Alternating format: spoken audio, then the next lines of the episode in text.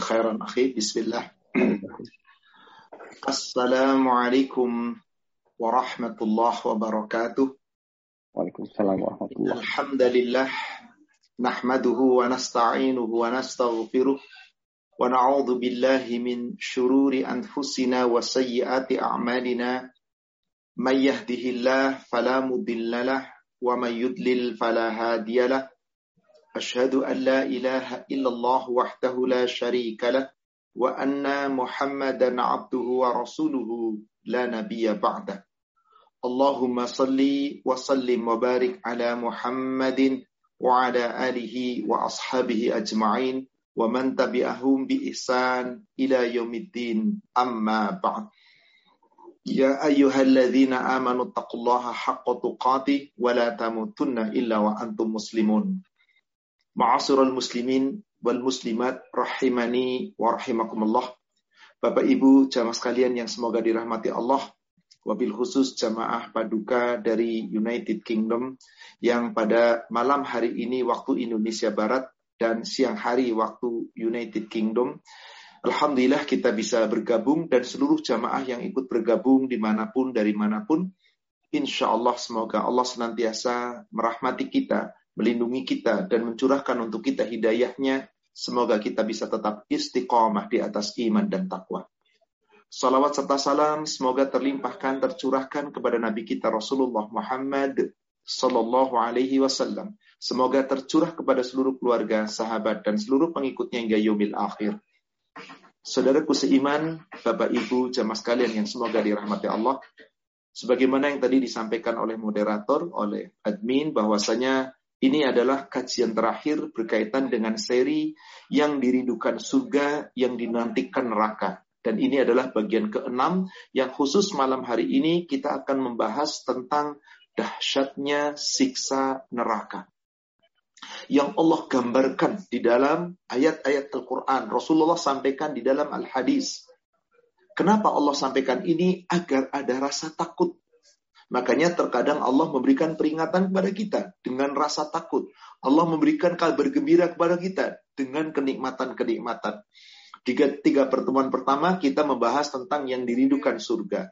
Di pertemuan yang keempat, kelima, dan hari ini terakhir adalah yang dinanti neraka.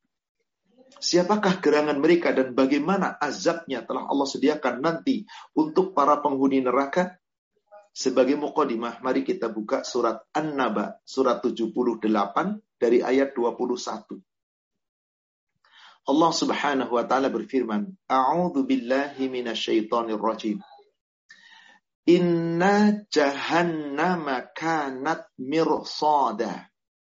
Sesungguhnya neraka jahanam itu sebagai tempat mengintai bagi para penjaga-penjaga neraka jahanam ada tempat-tempat yang mengintai, yakni tempat-tempat di mana para penjaga neraka, yakni para malaikat yang ghiladun shidadun, yang keras, yang kasar, yang bengis, yang tidak pernah durhaka kepada Allah, ada tempat-tempat mengintai agar para penghuni neraka itu tidak bisa lolos dari neraka. Untuk siapakah neraka itu? Lipoghina ma'aba.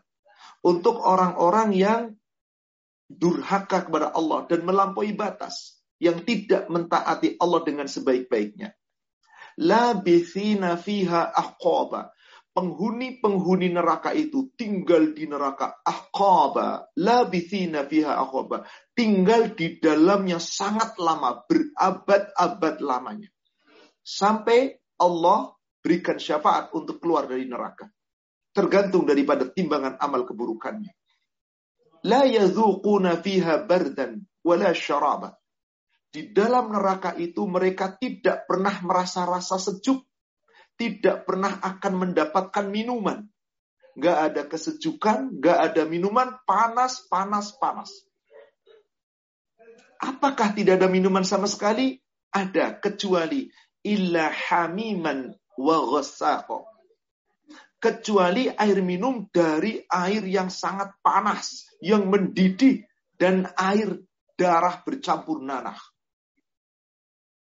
jaza wifaqa. Itu adalah balasan bagi orang-orang yang durhaka tadi. Setimpal dengan kedurhakaannya.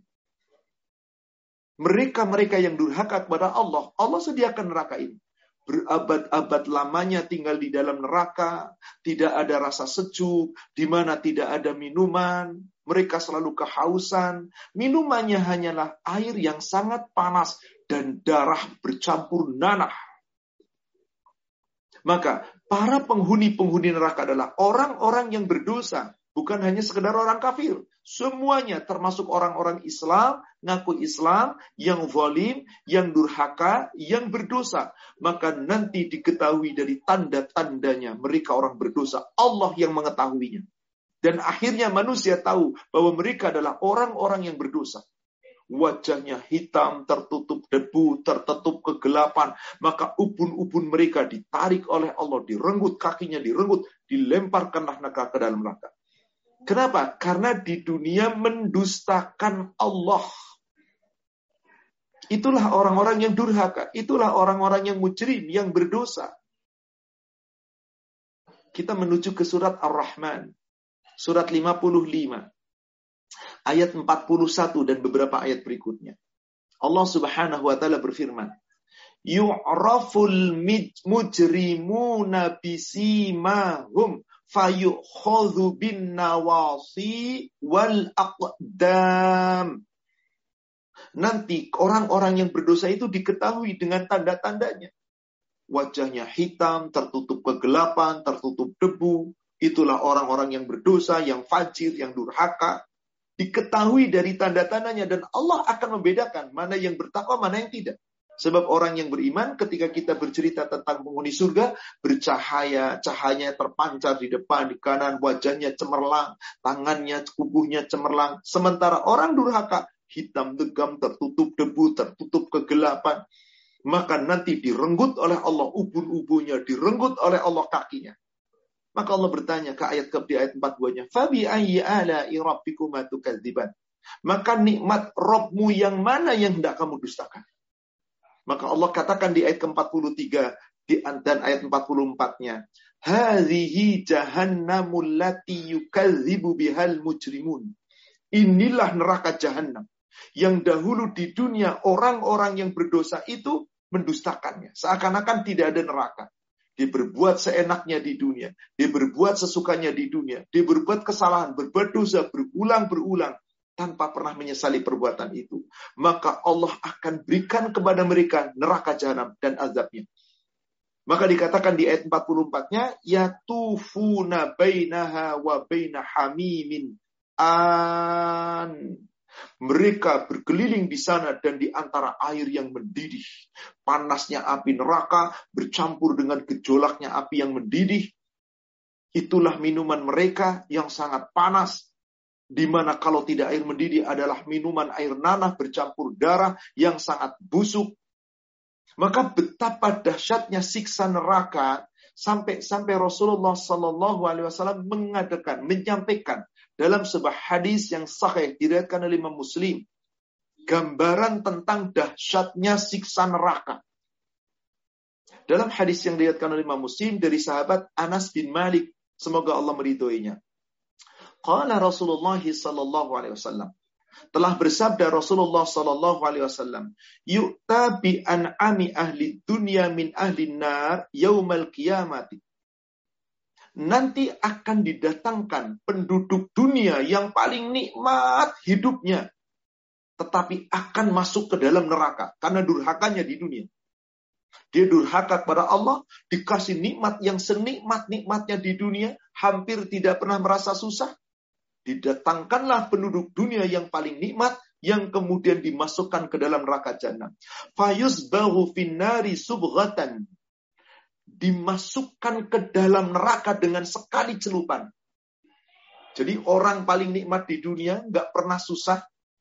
Lalu dia durhaka di dunia, dimasukkan ke dalam neraka, sekali celupan.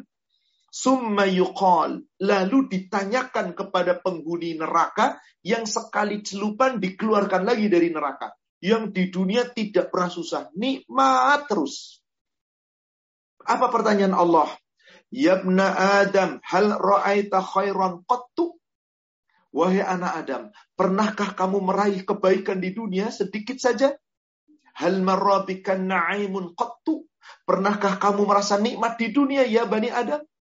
Paling nikmat di dunia, gak pernah susah di dunia, dimasukkan sejenak ke dalam neraka, diangkat kembali dari neraka, ditanya, pernahkah kamu di dunia meraih kebaikan? Pernahkah kamu di dunia merasa kenikmatan? Sedikit saja kenikmatan? Fayaqul penghuni neraka yang baru sekali celupan ke neraka, diangkat dari neraka, ditanya pernah nikmat, pernah kamu merasa nikmat, pernah kamu merasa baik di dunia, padahal selama hidupnya nikmat terus. Dia menjawab, Wallahi ya Rabbi, demi Allah wahai Rabbu, demi Allah ya Rabbi, aku tidak pernah merasakan sedikit pun. Aku tidak pernah merasakan Artinya apa? Aku nggak pernah merasa nikmat, aku nggak pernah merasa senang, aku nggak pernah merasa baik. Bayangkan puluhan tahun di dunia nikmat, nikmat, nikmat, durhaka kepada Allah, dicelupkan ke dalam neraka sekali celupan nikmat seluruh dunia yang pernah dialaminya berpuluh-puluh tahun lupa. Seakan-akan nggak pernah nikmat. Bayangkan kayak apa dahsyatnya siksa neraka itu. Kayak apa dasarnya siksa neraka itu? Baru sekali celup. Istilahnya kalau di dunia itu panas setahun dihapus hujan sehari. Penderitaan panas selama satu tahun dengan adanya hujan sehari kayaknya lupa tuh panas. Nikmat sepanjang hidup di dunia, nikmat, nikmat, nikmat, tidak pernah merasa susah, dicelupkan ke dalam neraka sesaat, lupa nikmat, seakan-akan gak pernah merasa nikmat. Kemudian yang kedua, wa yu'ta bi asyaddina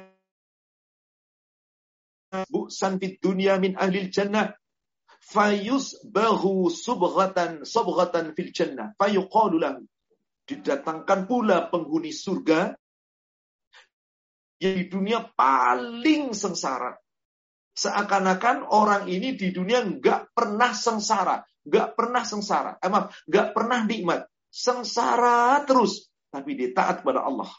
Lalu didatangkanlah di akhirat nanti dimasukkan ke dalam surga. Sekali masuk, dicelupkan ke surga. Nikmatnya surga, dikeluarkan dari surga. Kemudian apa? Fayuqalu lahu. Ditanya penghuni surga. Yang paling susah di dunia. Yang paling menderita di dunia. Ya ibnu Adam. Hal ra'aita bu'san qattu. Ya ibnu Adam. Hal marrabika syiddatun qattu. Wahai anak Adam, pernahkah di dunia kamu merasa susah? Pernahkah kamu di dunia merasa sengsara? Sedikit saja kesusahan dan kesengsaraan pernah merasa di dunia? Subhanallah. Fayaqul. Maka mereka berkata, La wallah ya Rabbi. Tidak demi Allah wahai Rabbu. Ma marrabi bu'san qattu. Aku tidak pernah merasa sedih sedikit pun. Aku tidak pernah merasa susah sedikit pun. Wala ra'aitu syiddatan qattu. Aku tidak pernah sengsara sedikit pun. Paling susah di dunia, nggak pernah nikmat, masuk surga sesaat, lupa susahnya. Paling nikmat di dunia, nggak pernah sengsara, dicelupkan ke neraka sesaat, lupa nikmatnya dunia. Betapa dahsyatnya siksa neraka. Kenapa begitu dahsyatnya siksa neraka itu? Dalam hadis yang lain yang diriwayatkan oleh Imam Bukhari dan Muslim dari sahabat Samurah bin Jundab, semoga Allah meridhoinya, bahwasanya Nabi Shallallahu Alaihi Wasallam bersabda kepada mereka, kepada para sahabat, man ta'khuduhun nar ila ka'baihi wa minhum man ta'khudun nar ila rukbataihi wa minhum man ta'khudun nar ila hudzatihi wa minhum man ta'khudun nar ila tarkuwatihi nanti di antara penghuni neraka ada yang disiksa hanya sebatas kedalaman mata kaki. Ada yang batas dalamnya sampai lutut. Ada yang batas dalamnya sampai pinggangnya. Ada yang batas dalamnya sampai lehernya, hampir tenggelam sampai mulutnya. Makin dalam berarti makin sengsara orang itu di azab. Makin ringan hanya sebatas mata kaki. Apakah nikmat? Dalam hadis yang lain yang diriwayatkan pula oleh Imam Bukhari dan Muslim dari sahabat Abdullah bin Abbas Bahkan Abdullah bin Abbas mendapatkan berita itu dari bapaknya Abbas bin Abdul Muthalib. Ketika Abbas bin Abdul Muthalib bertanya kepada Rasulullah Sallallahu Alaihi Wasallam, ya ini apa? Ya Rasulullah, hal nafa'ta Aba Talib bisyai'in fa innahu kana yahutuka wa yadabu laka? Wahai Rasulullah, adakah gunanya pembelaan pamanmu Abu Talib ketika membela kamu, ketika menjaga kamu, ketika menolong kamu? Adakah gunanya pembelaannya? Qala na'am. Rasulullah menjawab, ya ada. Ada gunanya pembelaan pamanku Abu Talib. Huwa fi dhahdahin minnar. Sesungguhnya pamanku Abu Talib itu Allah akan tempatkan di neraka yang paling dangkal. Yang berada dalam hanya sebatas mata kaki. Walaula ana lakana fid darkil asfali minan nar. Jika bukan karena syafaatku kepada pamanku, pamanku Abu Talib akan berada di dalam neraka yang paling dasar. Karena mereka adalah orang-orang kafir. Pamannya Rasulullah adalah kafir, Abu Talib kafir. Meskipun Syiah memuji-muji.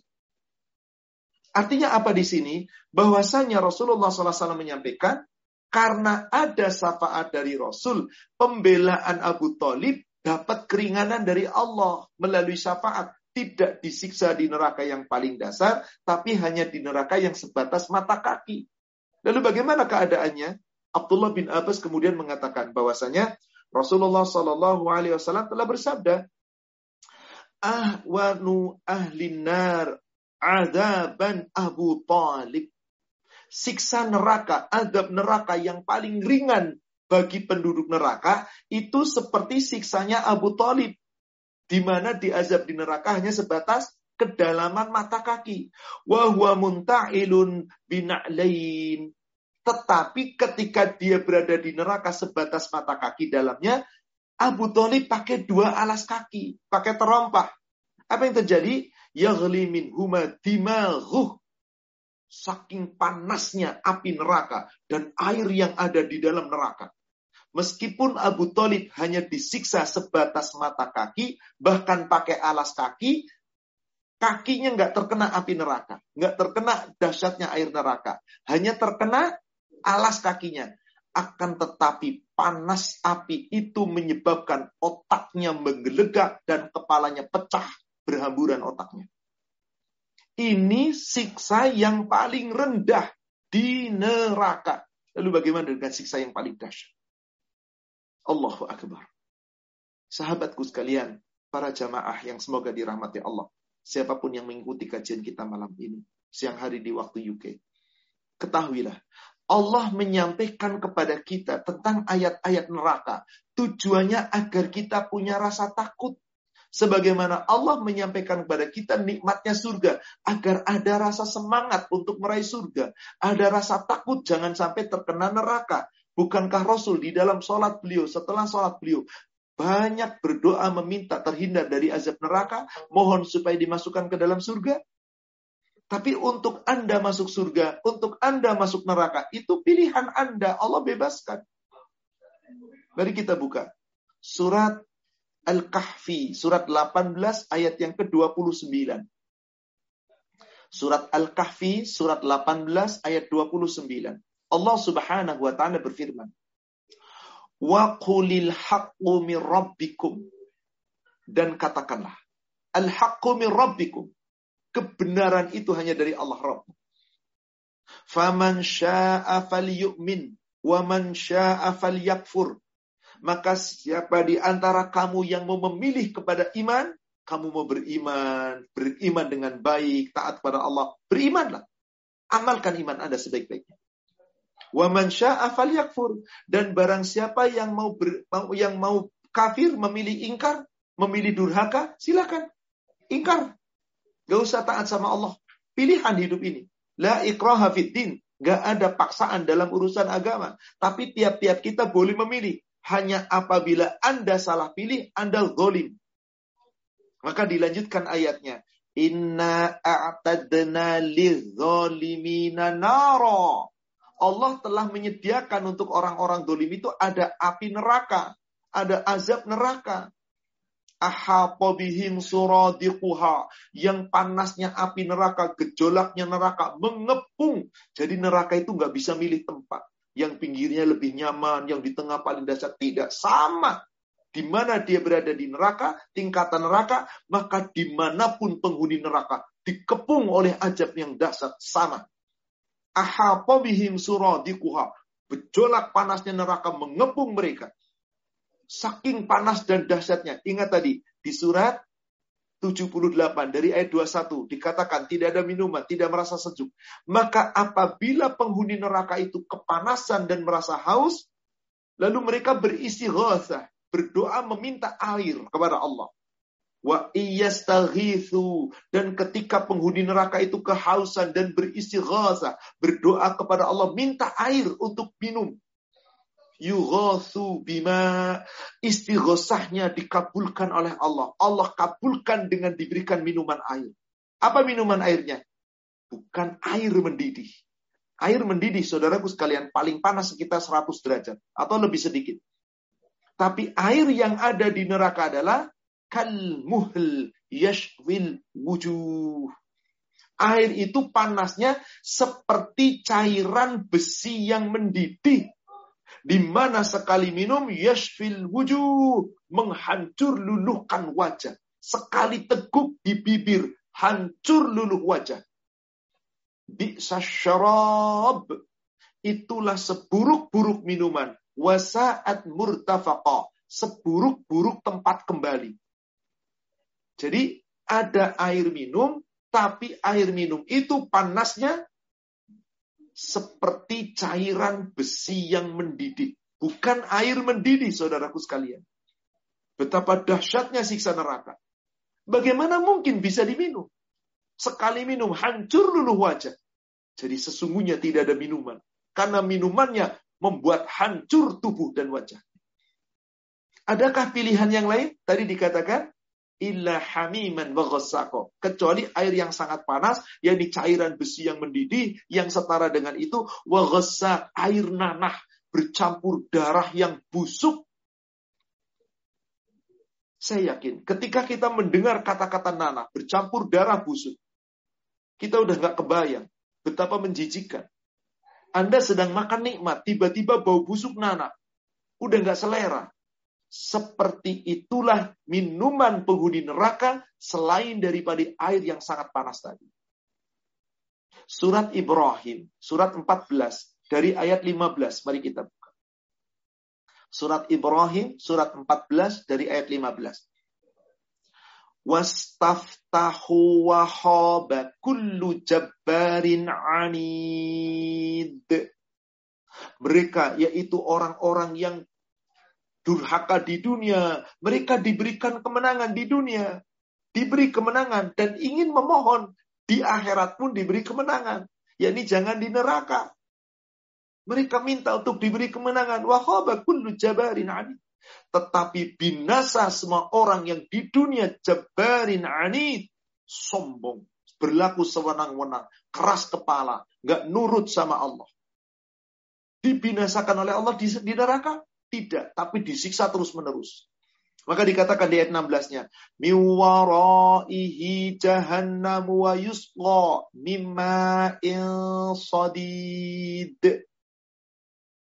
Maka mereka akan dihadapkan ke dalam neraka jahanam yang begitu dahsyat nyalanya dan panasnya di gejolak api yang mendidih. Dan mereka diberi minuman dengan air nanah yang busuk bercampur darah. Ma'in sadid. Itulah pilihan minuman. Selain cairan besi yang mendidih, yang setara dengan besi mendidih, atau air nanah bercampur darah yang sangat busuk. Bisakah kita menelan? Sampai Allah gambarkan di ayat yang ke-17-nya. Yatajarrauhu walayakadu yusiruhu. Diteguk-teguknya air nanah itu, tapi hampir-hampir tidak tertelan. Bayangkan Membayangkan saja sudah ngeri saudaraku sekalian. Air nanah bagaimana bisa diminum? Hampir tidak bisa diteguk, tapi nggak ada minuman yang lain. Hanya air mendidih yang sangat panas, air nanah yang berbau busuk, wayatihil mautu min kulli makan. Datang siksaan dari segala penjuru. Datang sekarang. Siksaan yang sesungguhnya bisa mematikan. Orang disiksa, diadab, hancur tubuh. Pasti mati. Orang ditembak saja sekali tembak bisa mati apabila langsung kena otak, apalagi kena jantung. Gantung diri digantung langsung mati. Orang kebakaran paling 5 menit 10 menit mati. Ini disiksa berabad-abad dengan panasnya api, dengan air yang mendidih. Yang Rasul katakan panasnya api di dunia ini baru sepertujuh puluh dari panasnya api neraka. Tapi tidak ada kematian. Meskipun dikatakan, وَيَأْتِهِ mautu min kulli makan. Datang bahaya kematian, siksaan yang mematikan dari segala penjuru. Wama huwa bimayyit. Tetapi mereka tidak mati. Penghuni neraka disiksa terus, terus, terus. Tidak ada kematian. Terus menerus disiksa. Wa waraihi adzabun ghalid. Tidak pernah diringankan siksanya. Masih ada di hadapannya azab yang sangat-sangat berat. Dan itu terus menerus maka di dunia terkadang orang berselisih tentang Allah, berselisih tentang syariat, berselisih tentang hukum Allah. Kalau orang kafir berselisih jelas, orang Islam berselisih tentang agamanya. Orang Islam menentang tentang dalil-dalil Islam. Orang Islam mencari pembenaran. Maka berselisih dengan orang-orang yang di atas kebenaran. Di dunia mereka berselisih nanti. Allah yang memutuskan siapa yang berada di atas kebenaran. Allah tunjukkan nanti di yaumil akhir. Kita lihat ayatnya, surat Al-Hajj. Surat 22, kita lihat dari ayat 19. Hadhani khasman ikhtasamu fi rabbihim. Inilah dua golongan yang di dunia berselisih. Yang mereka berselisih tentang Rob mereka bertengkar tentang keberadaan Rob, bertengkar tentang syariat Rob, bertentang tentang aturan Rob. Bisa orang kafir non muslim, bisa orang Islam yang mempertentangkan aturan Allah. Falladzina kafaru, maka orang-orang yang mengingkari Allah, siapa pun dari kalangan kafir yang non muslim atau orang yang ingkar terhadap ayat-ayat Allah, qutti'at lahum thiyabum minan nar. Allah akan berikan untuknya, yakni apa? Dibuatkan pakaian-pakaian dari api neraka. Yusabbu min ru'usihimul hamim. Begitu masuk ke dalam neraka, disiram di atas kepalanya, yakni dari air yang mendidih. Dan ingat, mendidihnya air neraka, bukan mendidihnya air itu masukkan ke dalam neraka, dipakaikan pakaian dari api neraka, disiram di atas kepalanya satu kali siraman dengan air neraka yang sangat mendidih, yang panas. Apa yang terjadi? Yusharu bihi ma fi butunihim wal julud. Sekali siraman di kepala, subhanallah menjadikan hancur luluh apa yang ada di dalam perut, bahkan tubuh mereka ikut hancur luluh. Bayangkan, semacam apa kira-kira payung Semacam apa panasnya? Sebuah seekor binatang, sapi yang gemuk, masukkan ke lahar, hancur seketika. Lalu bagaimana dengan manusia? Allahu Akbar baru sekali siram dimasukkan ke neraka dengan pakaian dari neraka dimasukkannya sesaat disiramnya panasnya api itu air panas itu dari neraka disiram di kepalanya. Dari ubun-ubunnya sekali siraman. Hancur luluh yang ada di perut di dalam perut hancur luluh kulit tubuhnya. Allah belum selesai di sana saudara sekalian. Kemudian dikatakan di ayat yang ke-21-nya. Walahum min hadid. Mereka akan disiksa dengan cambuk-cambuk dari besi. Cambuk dari besi yang lentur, bukan besi yang pejal. Yang lentur yang ujung-ujungnya bagaikan kaitan-kaitan yang lebih tajam daripada paku. Dicambuknya mereka, sekali cambuk, dicabutnya, kulitnya berhamburan, tubuhnya hancur. Seperti itulah Lalu apa yang terjadi di ayat ke-22-nya? Kullama aradu ayyakhruju minha min ghammin u'idu biha wa dhuku adabal hariq. Ketika penghuni-penghuni neraka itu hendak keluar dari neraka karena mereka tersiksa, ingin keluar dari neraka, dikembalikan lagi oleh Allah ke dalam neraka. Kepada mereka dikatakan, rasakan olehmu azab yang membakar, azab yang sangat dahsyat. Tidak bisa lolos. Jika kita lihat ayat tadi, ternyata pengen mati tapi tidak ada kematian. Apakah orang-orang kafir itu hanya orang-orang yang non-muslim? Tidak, termasuk orang-orang Islam yang mendustakan ayat-ayat Allah. Ada orang Islam mendustakan ayat Allah banyak. Zolim mereka kepada Allah. Coba kita buka surat Al-Hajj. Apa? Tadi Al-Hajj sudah Al-A'raf maksud saya. Surat ketujuh. Lihat ayat 40. Innallazina kazzabu. Sesungguhnya orang-orang yang kazzabu. Mereka mendustakan. Bi ayatina. Ayat-ayat kami. Apakah ini orang kafir saja? Bukankah betapa banyak umat Islam mendustakan ayat-ayat Allah? Mengingkari ayat-ayat Allah? Enggak seluruh ayat tidak. Sebagian ayat diingkari. Sama Anda durhaka kepada Allah baru anha bahkan menyombongkan diri terhadap ayat Allah. Ada ayat Allah tapi diselewengkan, dimaknanya dirubah, diputar balikkan, disembunyikan. baru ya. Mereka sombong terhadap ayat-ayat Allah itu. La tufattahu lahum abwabus sama. Allah tidak akan bukakan pintu-pintu langit.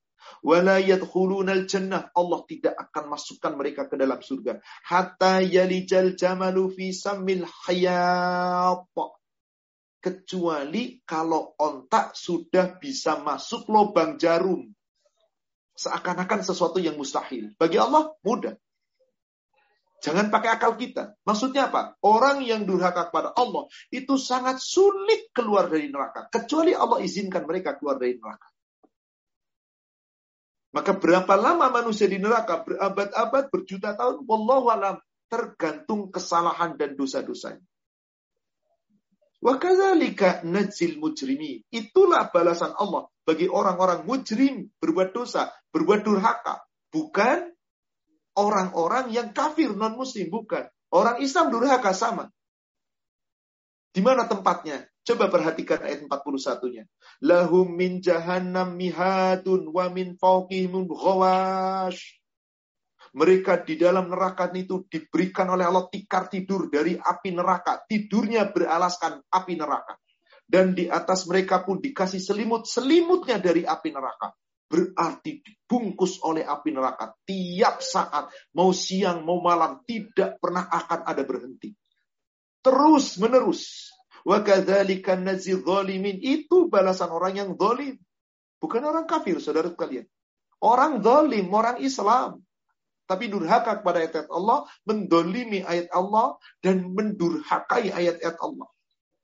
Sementara Allah katakan di ayat 42-nya, ketika orang-orang yang dolim itu betul-betul durhaka, Allah katakan, "Walladzina amanu wa amilu salihat, la nukallifu nafsan illa wus'aha."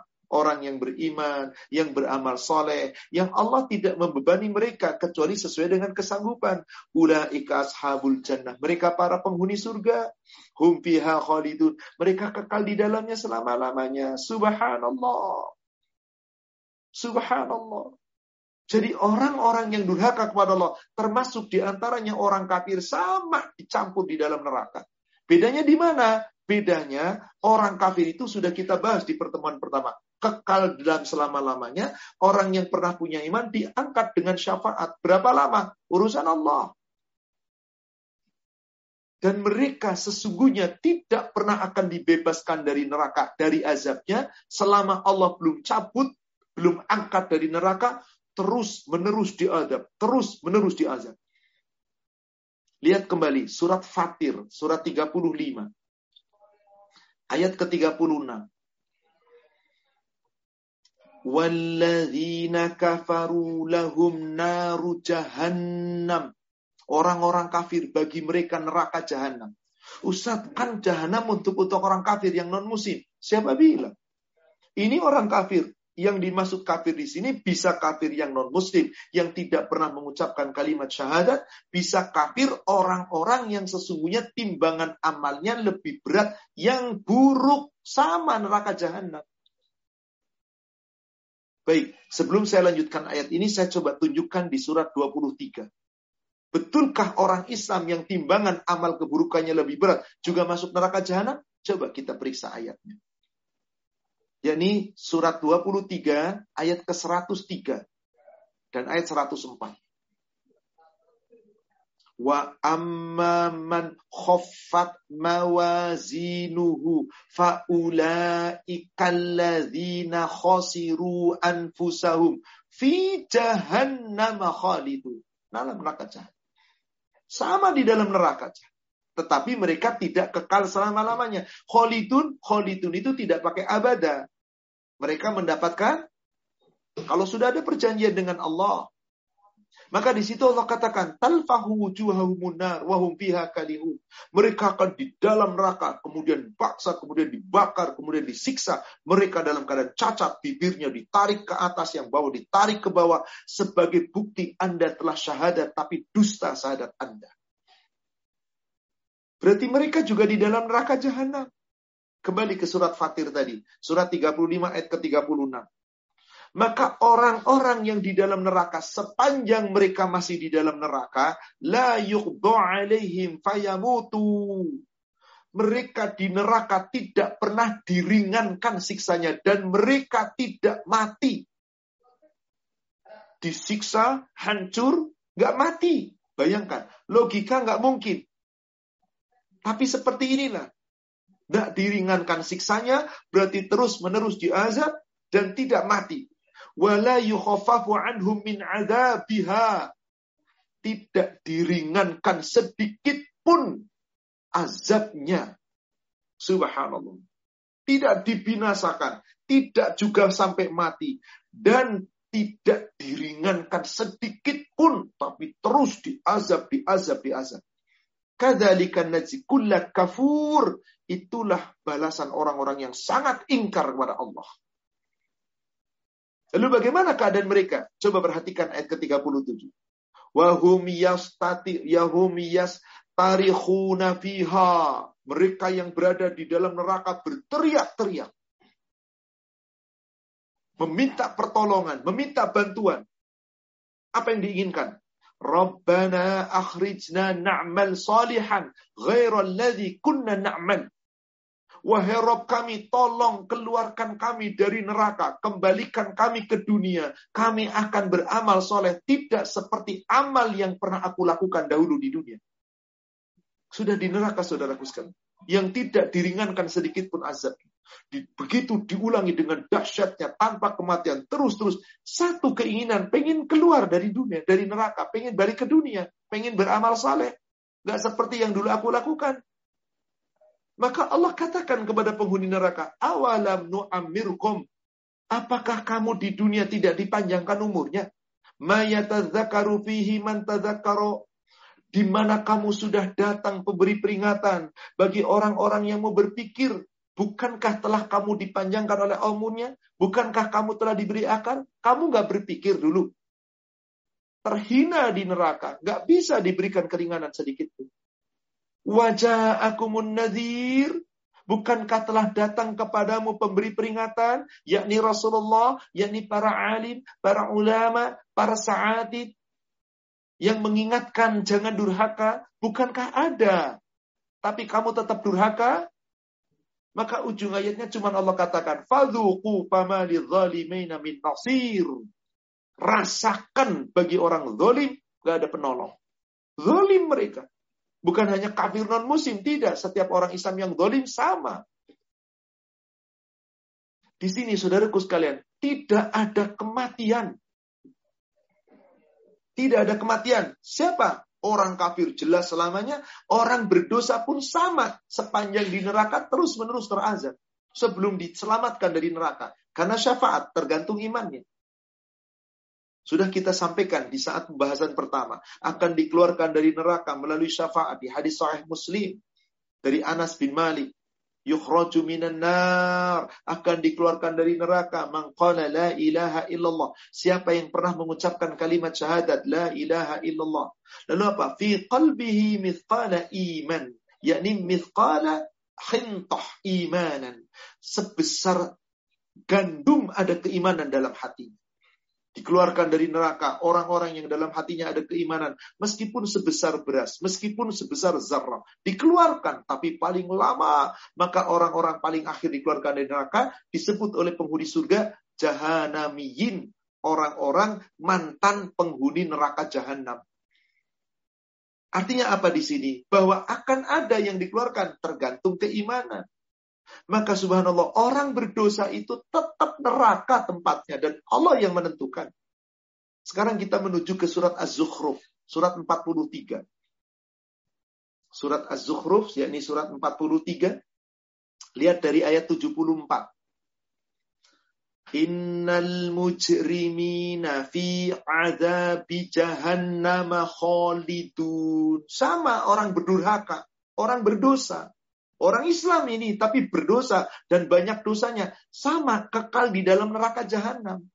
Kekal itu selama Allah belum berikan ampunan. La yufattaru anhum wa hum fihi mublisun. Tidak diringankan sepanjang ada di neraka sedikit pun itu dari mereka. Dan mereka berputus asa di dalamnya. Gak bisa keluar, disiksa terus. Sepanjang belum dapat syafaat. Subhanallah. Maka apakah Allah siksa itu karena Allah zalim? Tidak. Di ayat ke-76-nya Allah katakan, "Wa ma dzalamnahum walakinna kanu humul zalimin." Allah tidak pernah mendolimi mereka. Mereka itu yang zolim terhadap dirinya sendiri. Di saat di dunia, mereka nggak nurut sama Allah. Maka karena nggak ada keringanan, nggak bisa keluar dari neraka, diazab terus menerus, minumannya air nanah bercampur darah busuk, atau air panas yang sekali minum menghancurkan tubuh, satu keinginan dari penghuni neraka yang diazab terus menerus, pengen istirahat dari azab sehari aja.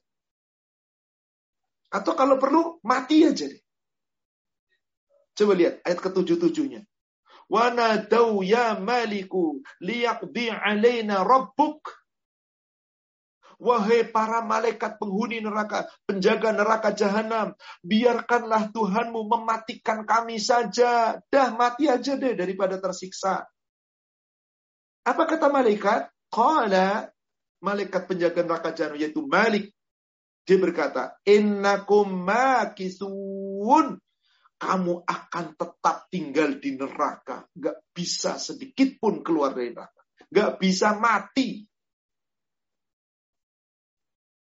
Maka dikatakan di ayat ke-78, Laqad ji'nakum bil haq. Bukankah telah datang kepadamu di dunia kebenaran?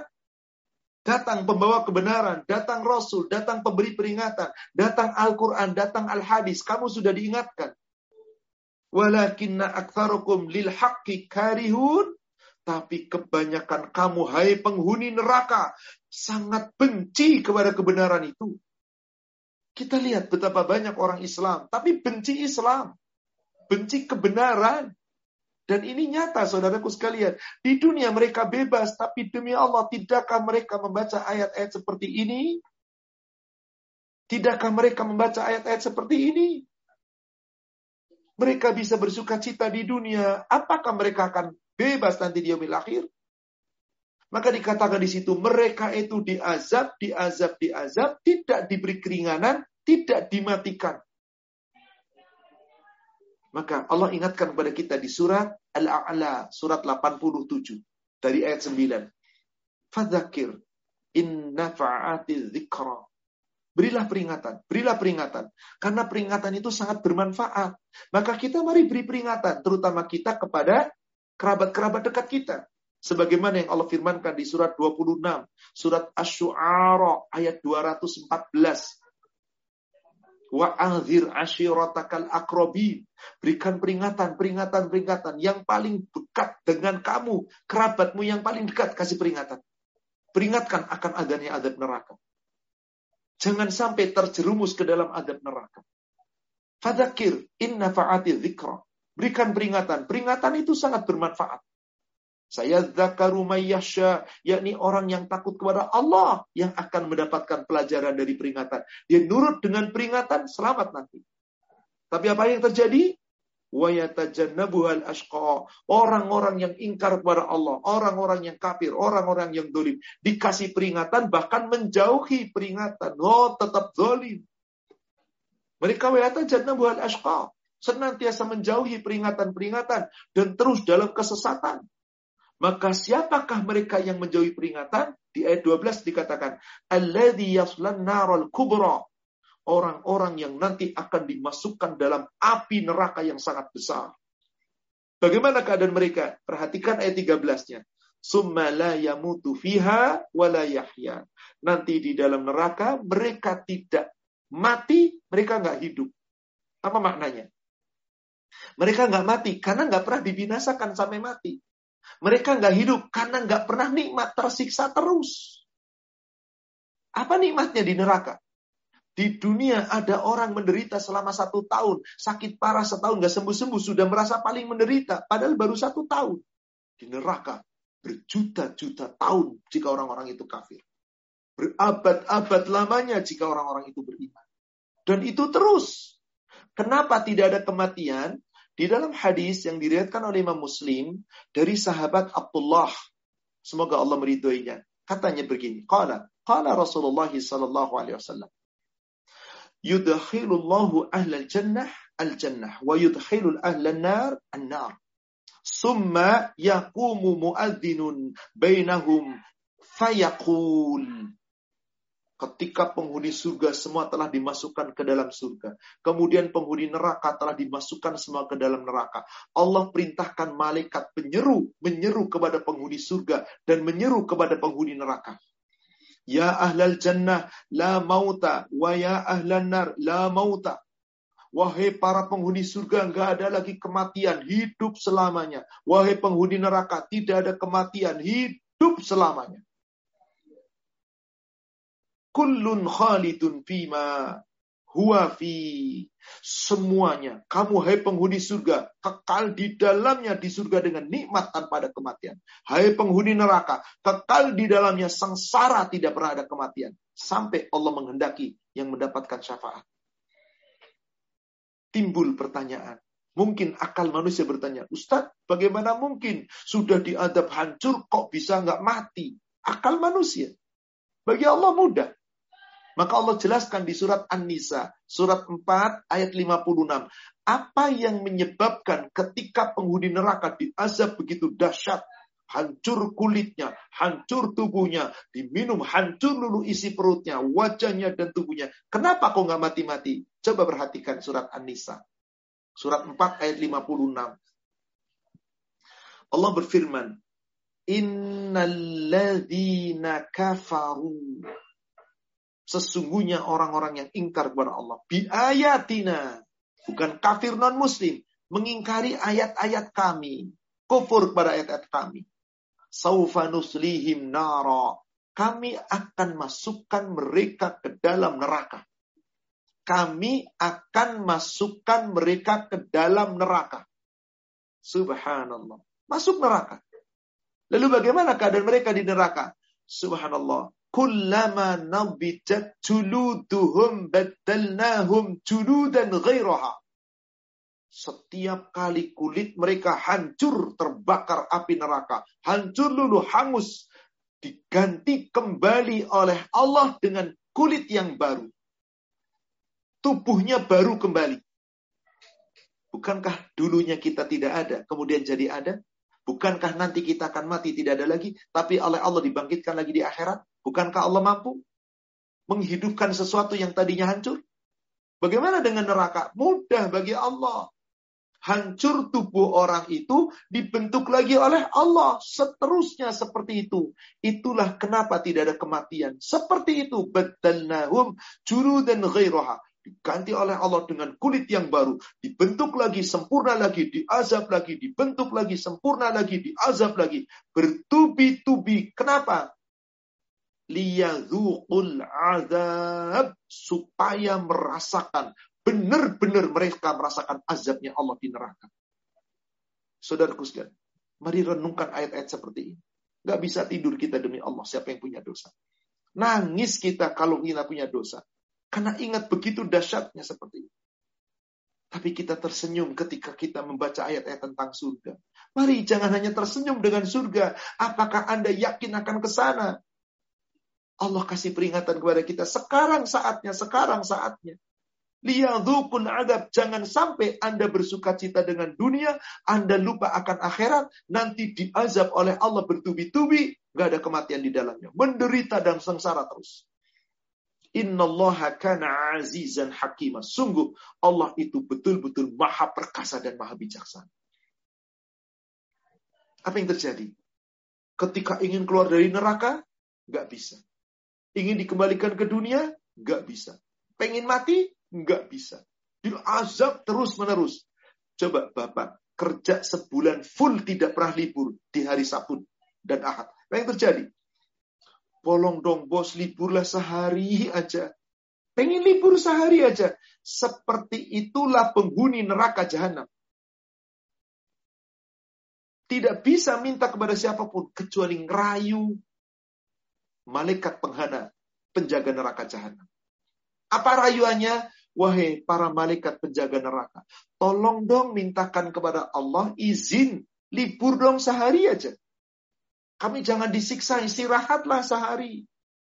Saking dahsyatnya nggak pernah istirahat. Mintanya istirahat dari siksa saudaraku sekalian. Allahu Akbar. Kita lihat suratnya, yakni surat 40. Surat Fussilat. Ah, apa? Surat Ghafir atau surat Al-Mu'min. Kita lihat ayat 49. Wa qala finnar. Para penghuni neraka yang diazab terus bertubi-tubi diazab berdoa berkata meminta li khazanati jahannam kepada malaikat-malaikat yang senantiasa menjaga neraka. Penjaga-penjaga neraka yang keras yang bengis yang gak pernah durhaka dirayu oleh penghuni neraka Wahai para penjaga-penjaga jahanam, ud'u rabbakum. Tolong berdoa kepada Robmu. Padahal Allah itu Robnya dia juga. Sampai dia nggak tega mengatakan Allah Robku. Karena di dunia durhaka terus. Oleh Allah nggak diakui mereka sebagai hamba. Dilaknat, dicampakkan ke dalam neraka. Minta apa? Minta rayuan kepada malaikat penjaga neraka. Tolong dong minta kepada Robmu. Supaya apa? Yukhafif anna yauman minal azab. Tolong wahai malaikat penjaga neraka. Tolong mintakan sama Tuhanmu, sama Robmu. Agar kami diistirahatkan dari azab neraka sehari aja. Bahkan kalau bisa nggak diri istirahat, ringanin deh. Diringankan sedikit. Allahu Akbar. Apa kata malaikat penjaga neraka jahanam di ayat ke-40 ke 50-nya? Qalu malaikat cuma berkata begini, "Awalam takut taktikum rusulukum bil bayina?" Sekarang kamu minta keringanan azab neraka. Diringankan sehari saja. Di dulu di dunia apa belum datang kepadamu rasul-rasul membawa keterangan? Membawa Al-Quran, membawa Al-Hadis. Kamu campakkan Quran dan hadis. Kamu bergelimang dengan dunia. Apa belum datang pernah kepadamu Rasul-Rasul pembawa peringatan, para saatid, para ulama yang menyampaikan kebenaran, bahkan kamu hinakan mereka.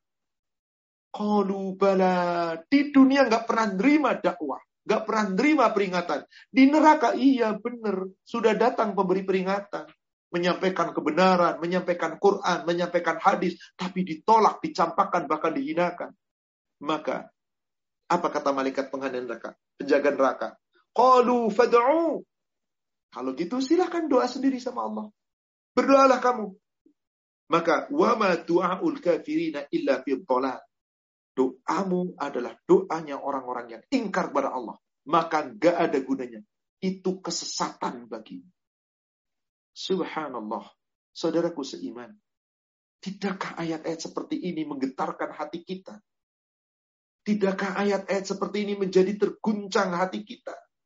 Cobalah kita ulangi nanti, mudah-mudahan Bapak Ibu punya catatannya. Coba malam-malam dibaca. Subhanallah, renungi diri kita sebelum terlambat. Ini azab nggak main-main, saudaraku sekalian. Jamaah sekalian, ini betul-betul ancaman yang sangat mengerikan. Pantas Allah katakan di surat 66 ayat yang ke-6, Ya ayyuhalladzina amanu ku anfusakum wa ahlikum nara.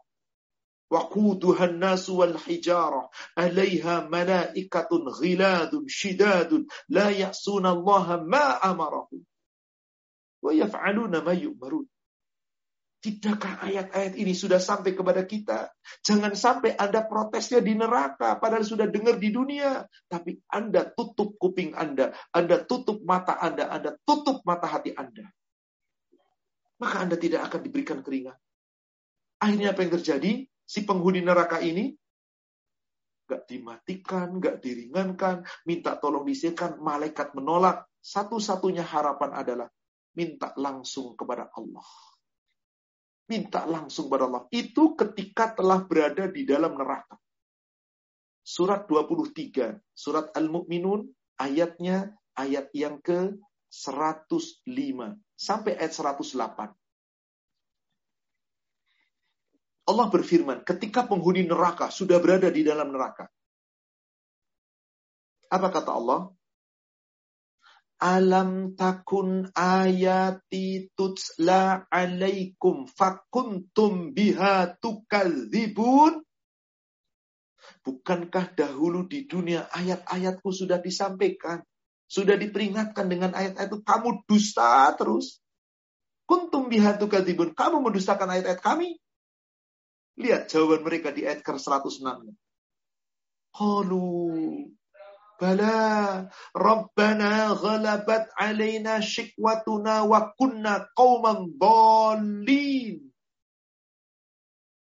Mereka mengatakan, Qalu Rabbana benar wahai Rabb kami. Ghalabat alaina shikwatuna. Ada datang ayat kami, ada datang ayatmu, memberikan peringatan kepada kami, mengajak kebenaran. Tapi hawa nafsu kami telah menyelimuti kami. Kedurhaan kami telah menyebabkan kami durhaka dan menyelimuti kami. Sikwatuna wa kunna qauman dolin. Kami memang dolim. Kami ini kaum dolim. Di dunia dikatakan dolim, marah. Tapi di neraka, dengaku saya dolim. Apa yang diminta? Ayat 107. Rabbana akhrijna minha. Ya Allah, keluarkan kami dari dalam neraka ini. Kembalikan kami ke dunia. Kami ingin berubah. Kami ingin beramal. Fa'in oda fa'inna zalimun.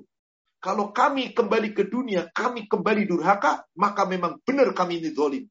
Ngerayu Allah, saudaraku sekalian. Sebab apa? Sudah nggak bisa lagi ke mana-mana. Ngerayu Allah.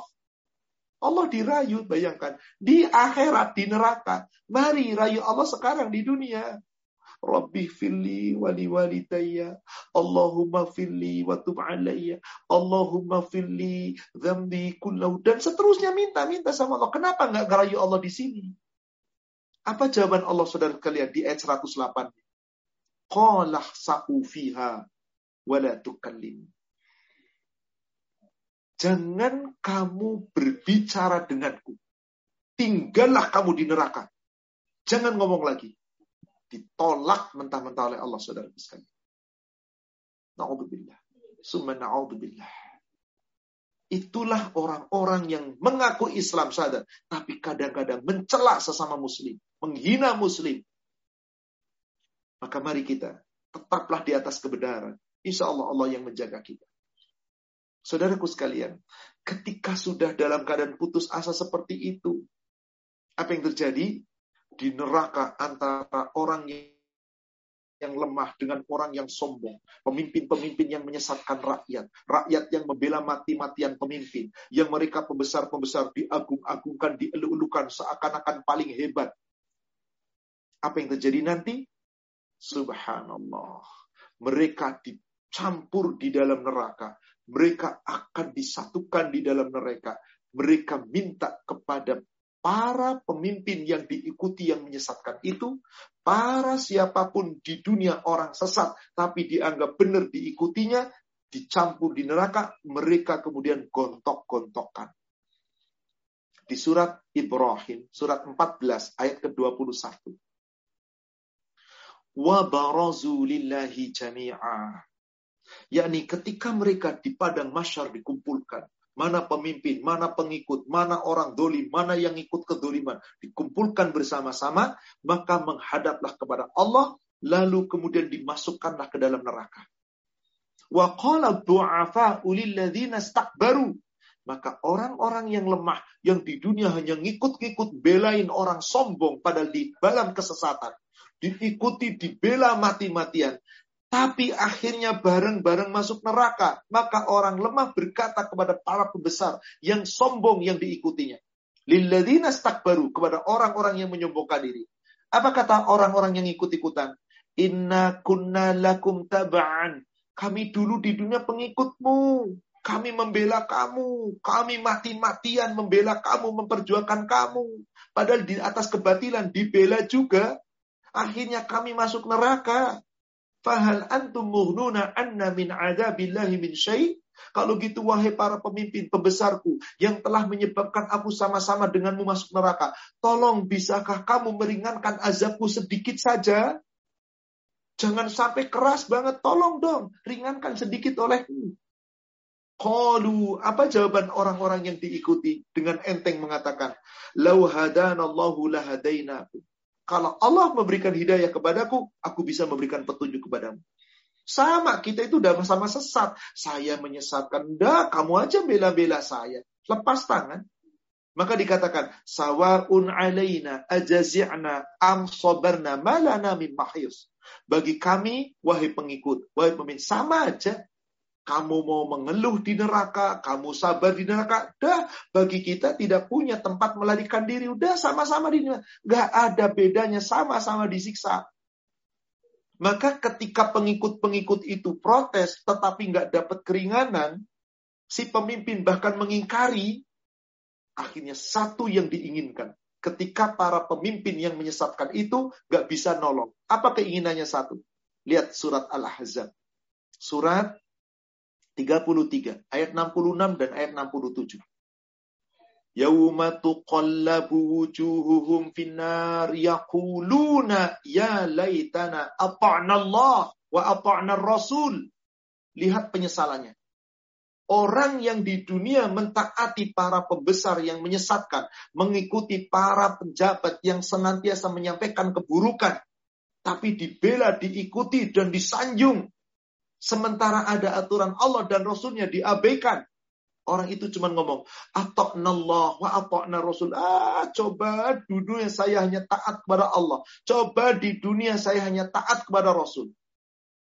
Maka akhirnya para pengikut yang hanya mengikut ngekor tanpa dalil, tanpa ilmu, tapi membela mati-matian kejahatannya, dibongkar oleh Allah nanti sama-sama masuk neraka, maka mereka yang mengikut berkata kepada para pembesarnya, kepada para pemimpin yang menyesatkannya. Lihat ayat 67.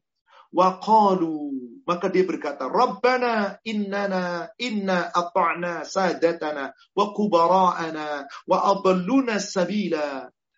Wahai Rob kami, kami salah karena pembesar kami. Kami salah karena pemimpin kami. Kami telah mentaati mereka. Lalu mereka menyesatkan kami dari jalanmu yang benar. Bukan salah kami, salah mereka. Ya Allah. Cari dalih. Padahal di dunia sudah diperingatkan. Tapi si pembesar pemimpin tadi tadi di surat 14 ayat 21 gak bisa nolong. Udahlah sama aja. Akhirnya satu permintaan orang-orang yang disesatkan di dunia sehingga masuk-masuk neraka dengan yang menyesatkan. Permintaannya cuma satu. Karena mereka nggak bisa lolos. Ayat ke-68. Rabbana atihim bi'faini minal adab. Ya Allah, karena mereka yang telah menyesatkan kami, kami dapat azab, nggak bisa diringankan. Kalau begitu, supaya kami lebih ringan, mereka yang menyesatkan kami diazab dua kali lipat wal'anhum la'nan kabira. Laknat mereka lebih besar laknatnya daripada kepada kami. Subhanallah. Apakah diberikan keringanan? Tidak, saudaraku sekalian. Subhanallah. Saudaraku, betapa mengerikan ayat-ayat seperti ini. Inilah gambaran neraka yang Allah sampaikan pada kita. Betapa dahsyatnya. Saya tutup dengan dua buah ayat Al-Quran. yakni surat Al-A'raf Silahkan kita buka ayat ke-50 dan ayat 51. Di saat penghuni neraka akhirnya di neraka, begitu lihat saudara-saudaranya, kawan-kawannya, boleh jadi handetolanya, mungkin di antaranya adalah orang sahabatnya, sedarahnya, mungkin orang tua, mungkin anak, mungkin saudara, terpisah di neraka dengan surga. Penghuni surga nikmat dengan segala nikmatnya. Penghuni neraka sengsara dengan segala sengsaranya. Penghuni surga dirayu oleh penghuni neraka. Karena sudah tidak ada harapan lagi penghuni neraka. Akhirnya apa? Ringan azabnya. Enggak, dikasih minuman gak dapat. Ngerayu penghuni surga supaya ngasih nikmatnya surga sedikit aja. Coba perhatikan surat 7 ayat 50. Wanada ashabun nar ashabal jannah. Akhirnya penghuni-penghuni neraka memanggil-manggil, menyeru-nyeru penghuni seraga, penghuni surga. Apa yang diminta? Ana alaina minal ma. Wahai para penghuni surga, tolong, tolong kami beri sedikit saja air. Sedikit. Gak minta banyak. Karena minumannya sangat-sangat panas. Au mimma razaqakumullah atau sedikit dari rizki yang Allah berikan kepada kamu. Ada buah, ada dingin. Tolong sedikit aja. Penghuni surga cuma menjawab, Qalu innallaha harramahu ma'alal kafirin. Maaf, haram. Kamu orang-orang yang ingkar kepada Allah. Maka nikmat surga meskipun seteguk air, meskipun sepotong buah, haram untuk kamu. Tidak diperdulikan saudaraku sekalian. Haram untuk orang yang ingkar. Ingkar yang mana? Apakah kafir non muslim? Bukan. Coba lihat ayat 51-nya. Siapa yang dimaksud oleh orang tentang kafir di sini? Bukan kafir non muslim. Alladzina dinahum lahwan. Orang-orang yang di dunia mengaku Islam, tapi menjadikan agamanya sebagai permainan, sendagurau. Jadi Bapak Ibu, kalau membaca ayat-ayat kafir di dalam Al-Quran, jangan langsung konotasinya pasti non-muslim. Tidak. Boleh jadi orang Islam. Tapi mengingkari Allah itu beragama Islam, tapi agama jadi olok-olokan. Ada seorang berani mengatakan, gak apa-apa, saya mah bisa happy di dunia. Biar saya nggak sholat Islam dia. Gak apa-apa di neraka bisa happy-happy, nyanyi-nyanyi bareng. Innalillahi. Dia nggak pernah membaca ayat-ayat seperti ini. Agama dijadikan main-main, dijadikan sendaguro. Wa humul hayatu dunya. Mereka terperdaya, tertipu oleh kehidupan dunia. Fal yawma nansahum kama nansu liqa'a hada. Maka karena di dunia kamu telah melupakan Allah, maka di dunia artinya di akhirat Allah melupakan tentang perjumpaanmu hari ini. Kamu lupakan di dunia, Allah jadikan mereka lupa terhadap hari pembalasan. Akhirnya itulah penderitaan mereka. Yakni kami lupakan mereka sebagaimana dulu di dunia mereka melupakan Allah.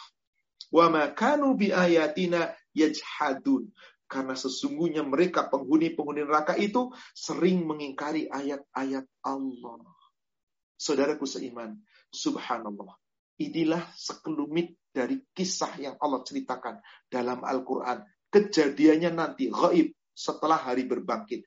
Tapi Allah ceritakan sekarang di dunia, di dalam ayat-ayatnya yang sangat jelas, sangat terang, untuk peringatan bagi kita. Demikian, Wallahu a'lam. Saya kembalikan kepada admin. Silakan akhi untuk kita lanjutkan tanya jawab. Alhamdulillah. Uh, ini sebelum kita masuk ke tanya jawab ini ada yang mengangkat tangan tapi kelihatannya mikrofonnya nggak nyala. Jadi mohon kepada Afi Afianto Menandar silakan mikrofonnya dinyalakan lalu kontak admin Fabiola uh, sebelum kita beri kesempatan. Baik, uh, saya share screen Ustaz. Silakan. Bismillah.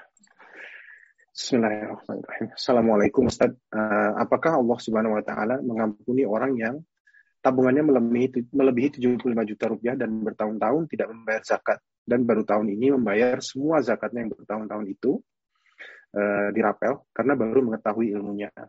Apakah mungkin masih mendapat azab seperti azabnya Abu khair. Alhamdulillah kepada penanya, semoga Allah mengampuni dosa antum. Ketahuilah, orang yang berbuat salah, tadi jelas, karena belum mengetahui.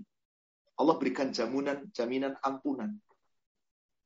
Silahkan penanya bisa lihat surat An-Nisa, surat 4, ayat yang ke-17 Innama taubatu Allah lilladzina ya'maluna su'a bijahalatin summa yatubuna min qarib. Sesungguhnya tobat yang diterima oleh Allah adalah tobat orang berbuat kesalahan karena kebodohan. Dia bodoh. Hartanya telah sampai nisab nggak bayar zakat padahal sudah berulang haul. Di atas 75 insya Allah sudah sampai nisab. Apalagi kalau sudah beberapa tahun yang lalu. Kalau sekarang nisabnya sekitar 85 juta. Sekitar.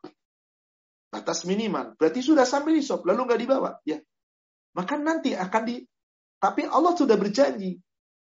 Kemudian di surat 6 ayat 54. Itu pun Allah berfirman di tengah ayat dikatakan kata rabbukum ala nafsihi rahmah. Telah Allah tetapkan sifat rahmat di dalam dirinya. Apa sifat kasih sayang Allah yang ada pada dirinya? Annahu man amilu amila minkum su'am bijahalatin summa taba min ba'dihi wa aslaha. Siapa saja di antara kamu berbuat kesalahan karena ketidaktahuan, karena kebodohan, segera bertobat dan memperbaiki diri. Semoga akhi atau ukhti tadi yang bertanya, dengan setelah mengetahui dirapel. Bismillah, ya Allah saya niatkan semua yang telah saya miliki. Saya keluarkan zakatnya. Adapun saya lapar sekian tahun, ya Allah ampuni aku. Semoga Allah maafkan. Tapi Ustadz, ada yang sengaja Ustadz, nggak mau bayar. Nggak usah khawatir. Tadi yang tidak sengaja, karena tidak tahu. Gimana kalau sengaja? Surat 39 ayat 53. Surat 39 Az-Zumar ayat 53. Qul katakan, Ya ibadiyalladzina asrafu ala anfusihim. Ini jelas, israf. Melampaui batas. Sudah tahu salah, dilanggar. Kalau tadi berbuat salah tanpa ketahuan, tanpa tahu, karena nggak punya ilmunya, bodoh. Sekarang tahu ilmunya, salah, dosa, dilanggar. Allah katakan pula, la taqnatu min rahmatillah. Jangan putus asa dengan rahmat Allah. Sepanjang kamu akui kesalahanmu, kamu bertobat dan memperbaiki diri, innallaha yaghfiru dzunuba jami'a. Allah ampuni dosamu semuanya. Subhanallah. Allah Maha Pengampun lagi Maha Penyayang. Yang penting Mari kita segera bertobat. Sesali insya Allah. Semoga tidak sampai dengan azab. Tidak sampai terkena hmm. azab. Maka minta sama Allah. Allahumma ini as'alukal jannah wa a'udzubika minan Terus terus kita minta. Wallahu alam. Demikian. Silakan berikutnya. Bismillahirrahmanirrahim. Uh, yang kedua, Assalamualaikum. Semoga Ustaz dan para pengurus dan jamaah selalu dalam rahmat Allah. Izin bertanya Ustaz, uh, bagaimana kiat agar mata ini mudah menangis di saat mengingat siksa neraka dan di saat berdoa taubat atas dosa-dosa? Karena saya sulit menangis. Jazakallah khair Ustaz. Pertama, takutlah sama Allah. Kedua, sadarlah bahwa kita banyak kesalahan dan dosa. Ketiga, lembutkan hati. Bagaimana cara melembutkan hati? Ada seorang sahabat bertanya kepada Ya Rasulullah, Hampir-hampir saya tidak bisa menangis. Hatiku keras. Bagaimana ini? Kata Rasulullah, datangi anak-anak yatim, santuni mereka, usap kepalanya, cium mereka. Mereka orang-orang yang sangat-sangat sangat membutuhkan, sementara kita punya segala-galanya. Datangi mereka, usap kepalanya, cium mereka. Hati Anda akan lembut. Dengan hati lembut, insya Allah menangis. Karena sesungguhnya orang yang hatinya keras sulit untuk menangis. Betul, kadang-kadang kita nggak bisa. Seringnya kita nangis itu justru kalau lagi susah. Susah, susah, susah, menderita.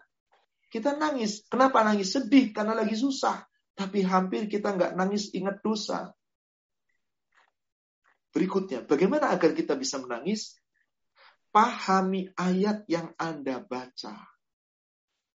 Kenapa Anda nggak nangis ketika baca Quran? Nggak coba dipahami. Coba kalau kita lihat tadi terjemahannya. Bagaimana pemahamannya? Bagaimana penafsirannya? Luar biasa. Begitu ngeri ayat-ayat tadi. Itu sebagian dari ayat-ayat Allah. Tentu nggak bisa dalam kajian singkat semua disampaikan tidak.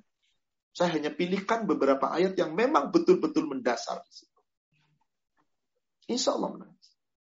Rasulullah mengatakan begini, hadis sahih riwayat Imam Bukhari dan Muslim dari Ali bin Abi Thalib. Setelah selesai sholat asar, beliau menghadap kepada para jamaah. Lalu terlihat mata beliau sembab. Rupanya ketika beliau sedang sujud di dalam sholatnya, beliau perlihatkan neraka, beliau perlihatkan surga, turun ayat-ayat berkaitan dengan neraka dan surga. Sebagaimana beliau sudah langsung lihat ketika Mi'raj. Apa kata Rasulullah di hadapan para sahabat? Walladhi nafsi biadik. Demi yang jiwaku digenggamannya. Maksudnya demi Allah yang menggenggam jiwaku. Lau ra'aitu ma ra'aitu. Labahiktum kolila. Walabakaitum kathira. Sekiranya engkau telah melihat seperti apa yang telah aku lihat, kalian pasti banyak menangis dan sedikit tertawa. Sepanjang hidup. Kultu ya Rasulullah. Ada seorang sahabat bertanya. Aku bertanya, wahai Rasulullah. Maro itu. Apa yang telah Anda lihat? Sementara kami tidak melihat. Sehingga Anda banyak menangis daripada kami. Padahal sudah dapat jaminan surga, dapat jaminan ampunan. Maro itu. Apa yang telah Anda lihat? Rasul bersumpah kembali saudara saya. Walladhi nafsi biadik. Demi yang jiwaku digenggamannya. Ini ro'aitu nar wal jannah. Aku benar-benar telah melihat neraka dan surga. Kalau Bapak Ibu bisa lihat neraka dan surga, nangis pasti. Kita nggak bisa lihat kecuali nanti di umil akhir, kecuali nanti setelah mati. Tapi lihat ini, ilmu yakin dengan ilmu, dengan keyakinan. Kita lihat dalam ayat Al-Quran. Sudah kita bahas kayak penikmatnya surga di pertemuan tiga bulan yang lalu. Ketika membahas sesi terakhir dari surga. Hari ini sesi terakhir dari neraka kita bahas tentang dahsyatnya neraka. Coba kita review lagi. Sering-seringlah baca ayat itu, renungkan dosa-dosa kita, mohon ampun, insya Allah. Semoga Allah melembutkan hati kita. Wallahu a'lam. Demikianlah. Baik. Alhamdulillah. Uh, baik, saya sambung ke pertanyaan berikutnya. Ustaz, bagaimana kalau ada orang Islam yang mengatakan berdoa pakai bahasa Indonesia saja karena Tuhan bukan orang Arab? Uh, menurut hemat saya begini, saudaraku sekalian janganlah kemudian ini dijadikan gunjingan lah, sudahlah. Betul dia mengatakan itu. Saya tidak bersuuzon. Satu, mungkin yang dimaksud adalah Allah Tuhan kita mengerti bahasa apa saja. Boleh jadi dia keliru ketika ngomong. Satu, maafkanlah. Dua, boleh jadi memang nggak punya ilmunya, bodoh. Meskipun dia maaf seorang jenderal, tapi bodoh dalam ilmu agama. Sehingga menyatakan Tuhan bukan orang Arab. Kalau Tuhan bukan orang Arab, berarti apa ini? Tuhan makhluk. Bukankah Allah itu khalik? Saya tidak tahu apakah dia mengatakan itu karena kebodohannya, karena sengaja, berarti dia takabur dan dia sombong. Tapi karena kebodohan, bukankah terdapat dalam hadis Bukhari Muslim ketika seorang hamba Allah di dalam perjalanan mengendarai unta. Lalu di saat itu dia dalam keadaan tidur. Lalu untanya hilang. Kemudian apa yang terjadi? Untanya diketemukan setelah bangun saat putus asa. Apa yang diucapkan? Allahumma ana robbi wa anta abduk. Wahai Tuhanku, sesungguhnya aku ini Tuhanmu. Sedangkan kamu adalah hambaku. Ini luar biasa apa enggak? Kira-kira orang ini ngomong ini sengaja atau karena keliru saking senengnya? Keliru. Boleh jadi orang ini mengatakan itu keliru. Allah Tapi menurut hemat saya, jika saya bisa kenal dengan beliau dan diizinkan, saya akan datangi beliau. Pak, tolonglah katakan kepada orang Islam, buat siaran pers. Maafkan atas kekeliruan ucapanku. Yang aku maksud bukan Tuhan itu manusia, makhluk. Karena katakan orang, kan makhluk. Yang saya maksud adalah Allah itu mengerti bahasa apa saja. Maka saya berdoa dengan bahasa saya. Beres tuh, semua memaafkan insya Allah.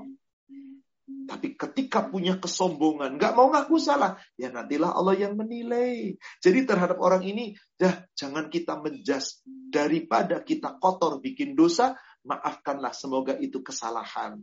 Kalau ternyata kesombongan, Allah yang maha tahu, Wallahu alimun bidzati sudur. Ketika Anda di sosmed, ini celah ini celah ini, Anda ikut dosa.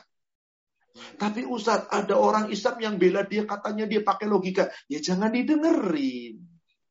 Islam itu tidak bisa pakai logika. Islam itu hak. Al-haqqum yang rabbik. Kecuali memang sesuatu yang boleh kita berlogika. Boleh. Boleh kita pakai logika, silakan. Contoh, maaf, ini sekedar ilustrasi. Di dalam Al-Quran, di surat An-Nisa, ayat 3, Allah sudah tetapkan. laki-laki itu boleh menikah lebih dari satu, dua, tiga, atau empat. Tapi satu lebih baik. Sementara di surat An-Nur, surat 24, surat An-Nisa, surat yang sama, ayat yang ke-32, Allah katakan wanita itu di awal ayat 32 nggak boleh eh, surat An-Nisa maaf ayat yang ke-22 nggak boleh wanita itu menikah lebih dari satu nggak boleh poliandri mari kita pakai logika Kenapa laki-laki boleh lebih dari satu? Kenapa perempuan nggak boleh lebih dari satu? Maaf, logika kita pakai. Meskipun ayat gak semuanya harus pakai logika. Ada laki-laki, maaf ini, namanya Fulan. Istrinya empat. A, B, C, D. Suaminya Fulan, satu. Coba, ketika si A hamil, siapa suaminya? Fulan. Ini hamil, ini hamil, ini hamil. Bapaknya satu, Fulan. Si empat isi melahirkan semua punya anak. Siapa bapaknya? Fulan, ya. sama. Ibunya A, B, C, D. Jelas Pak? Logika Pak? Sekarang ada Fulanah. Suaminya empat. Meniduri perempuan satu. Si Fulanah hamil. Siapa yang menghamili Pak? A, B, C atau D? Yang menggauli empat-empatnya. Tapi siapa yang menghamili? DNA dulu Ustaz. Repotnya luar biasa. Apakah ada DNA zaman dahulu? Begitu anaknya lahir, bintinya siapa? Binnya siapa? Bin ABCD, kacau keturunan. Logika, Pak. Tapi betapa banyak ayat Al-Quran gak bisa pakai logika. Urusan syariat itu sami'na wa ata'na. Coba kalau kita pakai logika, Anda wudhu, batal wudhu hanya karena angin, buang angin. Anda cuci wajah Anda, cuci tangan Anda. Kenapa yang buang angin di belakang cuman angin, nggak bau, boleh jadi nggak bersuara. Kenapa wajah Anda dicuci? Kenapa tangan Anda dicuci? Kenapa kepala Anda diusap? Logika, jawab. Ya nggak nyampe logika Anda. Maka agama jangan pakai logika. Boleh suatu ketika logika jika jelas dalilnya. Jangan pernah Anda pakai logika kalau nggak ada dalilnya. Beres. Jadi tentang ucapan orang ini, mari saya harapkan semua kita sahabat-sahabat, wahai para jamaah, jangan suuzon. Kita nggak tahu isi hatinya. Bersuuzon, berhusnuzon sajalah. Siapa ya. tahu kecelitut orang Jawa bilang. Siapa tahu memang dia tidak sadar. Siapa tahu bukan itu tujuannya. Itu tujuannya hanya Allah yang tahu dan dirinya. Maka tadi saya kalau bisa ketemu, Bismillah saya ketemu, saya ngomong baik-baik Pak. Minta maaflah sama umat Islam. Katakan saya tidak sengaja mengatakan itu. Aku salah apa susahnya? Wong Nabi kita salah aja ngaku salah kok. Tapi biarlah nanti Allah yang menilai. Hati kita bersih, subhanallah. Gak jadi gunjingan enak. Mending kita sibukkan dengan kesalahan dan dosa kita daripada ngorek-ngorek kesalahan orang lain. Siapa yang menutupi orang lain di dunia aibnya, Allah tutupi aibnya dunia dan akhirat. Demikian pendapat saya. Jika setuju, amalkan. Jika tidak, silakan Anda berbuat apa yang Anda inginkan. Allah a'lam. Afwan Ustaz, ini udah jam berapa nih? 14 11 atau jam 9 11 malam ya. Saya berikan uh, kesempatan sampai 10 menit lagi ya insyaallah. Karena tadi mulai saya agak telat seperempat jam. Ah, baik. Jazakallah khair. Uh, baik, sebelumnya ini Pak Afianto Munandar kelihatannya mikrofonnya belum nyala jadi kami belum bisa memberi kesempatan untuk bertanya. Jadi mohon diperbaiki dulu uh, atau kirim message kepada kami pertanyaannya nanti kita insya Allah akan kita tanyakan baik. Saya lanjutkan. Bismillah uh, Pak Ustadz mohon penjelasan dikatakan kepada orang yang zalim bahwa mereka sudah diberi peringatan. Bagaimana dengan orang kafir yang tidak pernah membaca Al-Quran? Apakah artinya menjadi kewajiban kita sebagai umat Rasulullah Shallallahu Alaihi Wasallam untuk memberi mereka peringatan? Bagaimana kalau kita tidak memiliki cukup ilmu untuk berdakwah? Baik. Antum penanya bisa lihat surat Al-A'raf dari ayat 172 sampai ayat 174 setiap manusia ketika Allah ciptakan masih di dalam rahim, setiap siapa pun dia, mau anaknya orang kafir, orang Yahudi, orang Nasrani, orang Konghucu, orang Buddha, orang Islam, kita saat masih dalam rahim sudah berjanji sama Allah akan menuhankan Allah.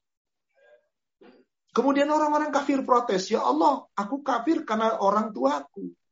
Apakah aku akan diazab juga gara-gara kesalahan orang tuaku? Gak ada alasan. Sebab orang kafir dikasih akal. Sepanjang mereka punya akal, Orang kafir yang agamanya selain Islam wajib mencari tahu dengan sebenar-benarnya. Apakah agama yang dianutnya itu benar atau tidak? Karena mereka dikasih akal. Beda kalau nggak dikasih akal.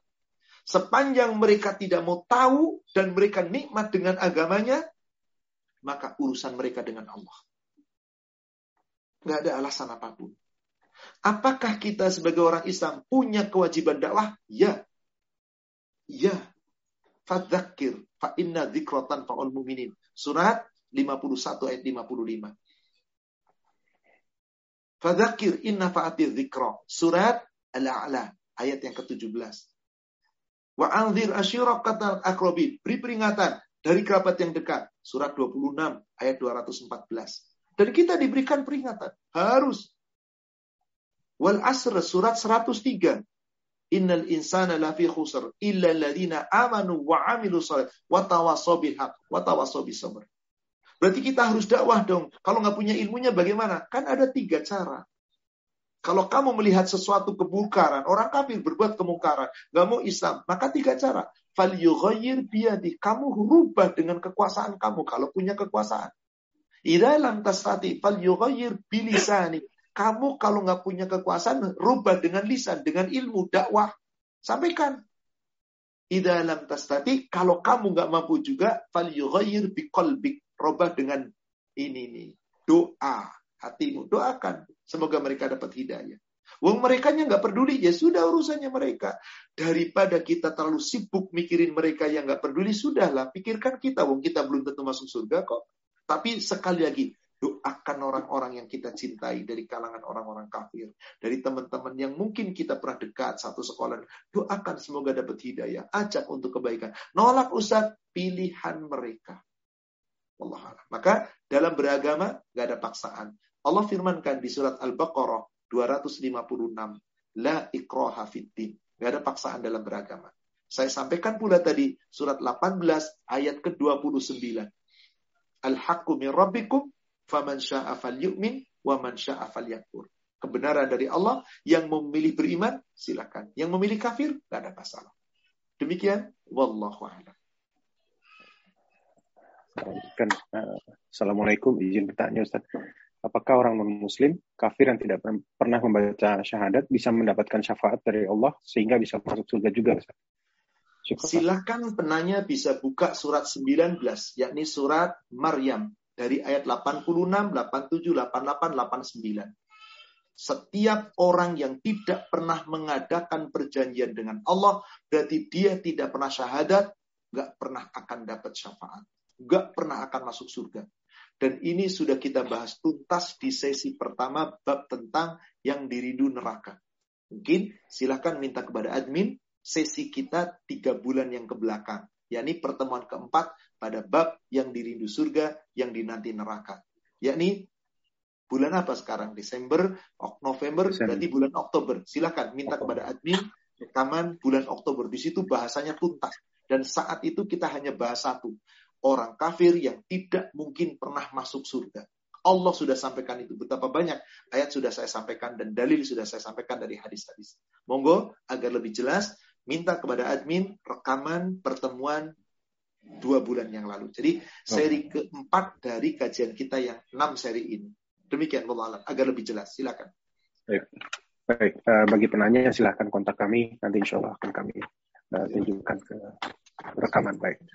Bismillah. Uh, berikutnya Ustaz. Assalamualaikum Pak Ustaz. Dulu almarhumah ibu saya suka menghitung hari baik seperti misalnya untuk pernikahan. Sekarang saya tahu bahwa apa yang dilakukan beliau adalah termasuk kesyirikan. Apakah ada amalan yang bisa dilakukan oleh anak-anaknya sekarang akan dosa kesyirikan ibu? Saya untuk memaafkan. Telah sepakat seluruh ulama ketika mengatakan ada hari baik, bulan baik, berarti itu perbuatan syirik. Apakah syirik itu termasuk syirik akbar yang tidak dapat ampunan? Berbeda pendapat para ulama. Jika orang tua kita itu tanpa tahu ilmunya, dia masih ibadahnya, baik sholatnya, dan seterusnya. Tapi hanya percaya hari baik, bulan baik, karena mengikuti kebiasaan, semoga itu karena kebodohan. Semoga karena kebodohan. Tugas anak adalah doakan, doakan, doakan. Apakah nanti Allah akan ampuni dosa atau tidak? Wallahu alam. Tapi jangan pernah Anda suuzon kepada Allah. Berhusnuzonlah. Di dalam hadis riwayat Imam Muslim dari Jabir bin Abdullah. Jabir bin Abdullah berkata, Qala li Rasulullah sallallahu alaihi wasallam salasata ayam qabla mauti. Qabla mautihi berkata, bersabda kepadaku Rasulullah Sallallahu Alaihi Wasallam tiga hari sebelum beliau wafat. La yamutanna ahadukum illa yuhsinu dhanna billahi azza wa. Jangan pernah salah seorang di antara kamu mati kecuali kamu berbaik sangka kepada Allah. Jangan buruk sangka. Karena kita yakin sesangga ibu kita, orang tua kita menghitung hari baik pernikahan karena turun turun dari nenek moyangnya begitu ada Jawa. Belum sampai ilmu kepadanya, kemudian meninggal. Semoga Allah maafkan. Terus ya Allah, ibuku tidak tahu ilmu. Dulu telah begini, ya Allah ampuni dia. Doa, doa, doa. Yakinlah Allah memberikan ampunan. Tapi kita tidak tahu pasti apakah memberikan. Tapi Allah tidak pernah janji tidak ampunan. Kecuali pelaku syirik besar yang betul-betul syirik besar yang betul-betul mereka tahu itu salah, itu syirik, dilanggar berbuat kesyirikan. Itu berlaku surat An-Nisa ayat 48, Innallaha la yaghfiru ayyushraka bihi wa yaghfiru ma duna dzalika yasha. Berlaku surat An-Nisa ayat ke-116 dengan ayat yang mirip, berlaku surat 6 surat Al-An'am ayat 88, berlaku surat 39 surat Az-Zumar ayat 65, mereka tertolak amalnya hapus. Karena sirik besar, tahu sirik disengaja. Tukang sihir, para dukun, orang-orang yang betul-betul percaya kepada benda-benda keramat dan sudah tahu dosa dilanggar juga. Maka ayat-ayat tadi menyatakan demikian. Semoga orang tua penanya, dia berbuat kesalahan bukan karena menyengaja, tapi karena kebodohannya. Itu yang Allah katakan tadi di surat An-Nisa, bijahalatin. Tapi qadarullah dia keburu mati. Maka semoga doa anak yang soleh bisa mengampuni dosa-dosanya. Allah Jangan putus asa, terus berdoa. Urusan dikabul atau tidak bukan lagi urusan kita. Serahkan sama Allah. Allah Demikian. Satu pertanyaan lagi ya. barangkali. Aswan, ya, jam berapa? Sampai jam setengah sepuluh terakhir-akhir. Jadi boleh dua atau satu atau dua pertanyaan. Silakan. Dua, satu dua pertanyaan. Baik, Ustaz. Nah, Alhamdulillah. Uh, Bismillah, izin bertanya. Apabila seseorang yang mempunyai dosa besar, tapi sudah dihukum dengan hukum Islam, maksudnya di dunia mungkin, apakah nanti tetap diazab juga? Uh, Salah satu contoh di surat 5, surat Al-Maidah ayat ke-38, Allah berfirman, wasariqu wasariqatu faqta'u aydiyahuma jaza'an bima kasaba nakala minallah.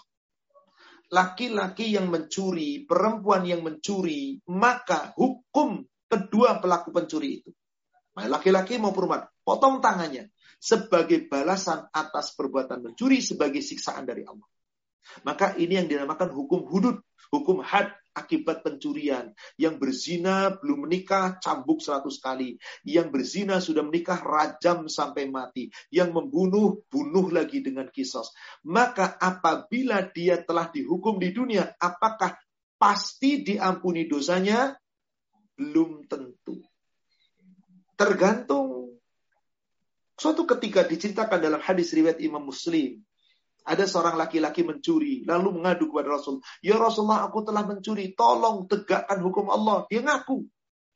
Sampai Rasul katakan, kamu gila apa? Masa kamu mencuri? Maaf, ini eh, sederhananya demikian terjemahannya. Demi Allah, ya Rasulullah, aku mencuri, tapi bukti mencuri sudah tidak ada. Maka disuruh bersuara, demi Allah, kamu sudah mencuri? Ya, sampai empat kali. Tanda dia betul-betul mencuri. Rasul perintahkan, potong tangannya. Dipotong tangannya, bawa lagi ke sini. Setelah dipotong, dibawa kepada Rasul. Bertobatlah kamu kepada Allah. Bertobatlah kamu kepada Allah. Minta ampun sama Allah. Allahumma firli wa tub. Ya Allah, aku mohon ampun kepadamu. Ya Allah, terima tobatku. Aku sudah dipotong tangannya. Rasul angkat tangannya. Allahumma firlahu wa tub. Allahumma firlahu wa tub. Tiga kali. Ya Allah, ampuni kesalahannya dan terima tobatnya. Lalu Rasul mengatakan, dia calon penghuni surga. tobatnya diterima. Rasul menyampaikan karena dapat wahyu. Jadi sekandainya orang yang berbuat dolim di dunia, lalu dihukum dengan hukuman had Allah di dunia, apakah nanti aman dari siksa neraka? Ya, jika dia bertobat. Contoh, di negara kita dulu ada yang namanya pengebom. Ditahan, lalu dia tobat. Semoga Allah terima tobatnya. Ada yang namanya penjahat narkoba kelas kakap. Allah di penjara insaf Bahkan dia bocorkan bagaimana rahasianya. Semoga tobatnya diterima. Meskipun akhirnya dihukum mati. Jadi hukuman mati di dunia itu hukuman yang Allah tetapkan. Hubungan cambuk, hukuman apa pun atas kesalahan yang namanya kitabul hudud. Ada hukum-hukum tentang had yang harus dilaksanakan. Apakah pasti diampuni? Tergantung apakah sebelum dia dibunuh, dihukum cambuk, dihukum rajam, itu tobat atau tidak. Di zaman Rasul ada seorang wanita hamil, dia sudah pernah menikah. Lalu dia mengaku, ya Rasulullah aku hamil dari hasil zina. Rasulullah katakan, urus dulu. Sampai bertubi-tubi, anaknya disusui, balik lagi ke Rasul. Ya Rasul ini laku. Tegakkan hukum Allah. Diperintah supaya dikemas pakaiannya diperketat, supaya auratnya tidak nampak, ditanam separuh tubuhnya, dirajam sampai mati. Sebelum itu disuruh tobat oleh Rasul. Karena nggak mungkin tobatnya setelah dirajam. Bagaimana akan tobat wong sudah mati? Akhirnya diurus jenazahnya, disolatkan oleh Rasul langsung. Umar bin Khattab bahkan protes. Ya Rasulullah, Anda solatkan wanita pezina? Apa kata Rasulullah? Demi Allah, andai kata ada penduduk Madinah 70 orang berbuat dosa selain zina, diwakili tobatnya oleh wanita satu ini cukup untuk mewakili 70 penduduk Madinah berbuat dosa. Ya Umar, tidak tahukah kamu seorang wanita yang mendekatkan diri dan menyerahkan diri kepada Allah rela mati demi surga? Maka Rasul katakan, jika engkau ingin melihat penghuni surga, wanita ini adalah calon penghuni surga. Jadi, kalau yang bertobat, ada orang-orang dihukum mati nggak mau tobat, ya berarti tidak diterima. Demikian. Jadi bedakan antara pertobatan dengan hukum hudud. Sepanjang dia nggak bertobat tetap dihukum hudud, maka tidak diampuni oleh Allah. Sedangkan dia bertobat dihukum hudud, beres. Gimana kalau nggak dihukum hudud? Karena negara kita nggak menetapkan hukum hudud. Semoga Allah ampuni sepanjang dia bertobat. Negaranya ini nanti para pemimpin yang menetapkan hukum di luar hukum Allah tanggung jawab di hadapan Allah. Wallahu a'lam. Demikian akhir. Satu pertanyaan lagi seperti ini. Satu pertanyaan ini pertanyaan di luar topik ini Ustaz yang sesuai dengan topik Boleh, sudah habis. Bismillah, Barakallahu fikum Ustaz. Uh, masih dalam proses belajar memperbaiki amalan ibadah yang Alhamdulillah dari kajian-kajian sunnah. Apabila Anda sudah menyampaikan tentang hukum haram dan dari riba, musik, isbal, merokok kepada suami dan anak-anak, tapi mereka masih belum bisa meninggalkan, apakah Anda sebagai istri atau ibu sudah terlepas dari dosa atau gugur kewajiban dari menyampaikan dan melarangnya? Mohon sekali penjelasannya Ustaz. Jazakallah khair. Saudariku yang semoga dirahmati Allah, di dalam keluarga yang paling punya hak memberi peringatan adalah suami. Ar-rijal qawamin ala nisa. Suami. Bagaimana istri? Istri punya kewajiban tapi tidak punya tanggung jawab. Kalau suami punya kewajiban dan tanggung jawab. Contoh, seorang istri tidak mau berbusana muslim, seorang istri tidak mau sholat. Suaminya membiarkan, suami punya tanggung jawab. Tapi ketika seorang suami nggak mau mengikuti aturan Islam seperti yang dikatakan tadi, anak nggak mau ikutin seperti yang dikatakan tadi, istri sudah menyampaikan, maka istri tidak punya tanggung jawab. Sudah menyampaikan, sudah mengingatkan. Maka dosa suami dan anak tanggung jawab nanti di hadapan Allah. Dia tidak punya kewajiban dan tanggung jawab. Kewajiban ada mengingatkan tapi tidak punya tanggung jawab.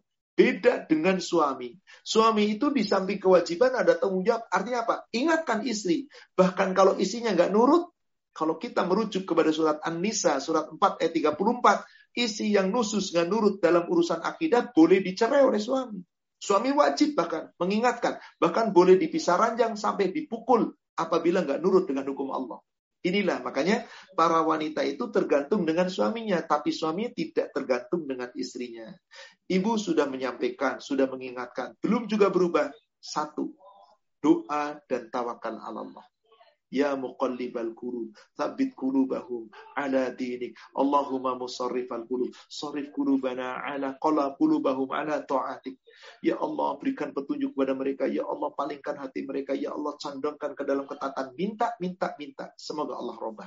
Wallahualam, jika mereka tidak berubah, maka istri sekali lagi tidak punya tanggung jawab. Kewajiban sudah ditunaikan. Beda kedudukannya kalau suami. Demikian Wallahu alam. Demikian saudaraku seiman, para jamaah sekalian, baik yang dari UK, United Kingdom, atau dari sekitar Eropa, atau di mana pun yang mengikuti kajian kita, termasuk dari tanah air, semoga apa yang sama-sama kita simak dan kita sama-sama kaji, insya Allah membawa manfaat dan hikmah. Dengan demikian, kajian kita bab tentang yang dirindu surga dan dinanti neraka, dengan sesi ke-6 ini berakhir, insya Allah pertemuan bulan depan kita bisa akan membahas dengan kajian berseri yang lain. Wallahu a'lam. Demikian saudara sekalian, yang benar dari Allah yang disampaikan oleh Rasulnya. Yang salah saya yang menyampaikan yang penuh kekurangan. Kita manusia yang penuh kekhilafan. Semoga Allah memaafkan dan mengampuni dosa kita. Mari saudaraku sekalian kita tutup dengan doa kafaratul majlis. Subhanaka Allahumma wa bihamdika ashhadu an la ilaha illa anta astaghfiruka wa atubu ilaik. Alhamdulillah billahi taufik. Assalamualaikum warahmatullahi wabarakatuh. Waalaikumsalam warahmatullahi wabarakatuh. Alhamdulillah eh, berakhir pula kajian kita kali ini. Kami dari pengurus eh, Rumah Dakwah Paduka mohon maaf jika ada kesalahan baik dalam sikap maupun perkataan. Uh, Barakallahu fikum. Wassalamualaikum warahmatullahi wabarakatuh. Waalaikumsalam warahmatullahi wabarakatuh. Jazakumullahu khairan. Barakallahu fikum untuk semuanya. Saya mohon pamit. Waalaikumsalam.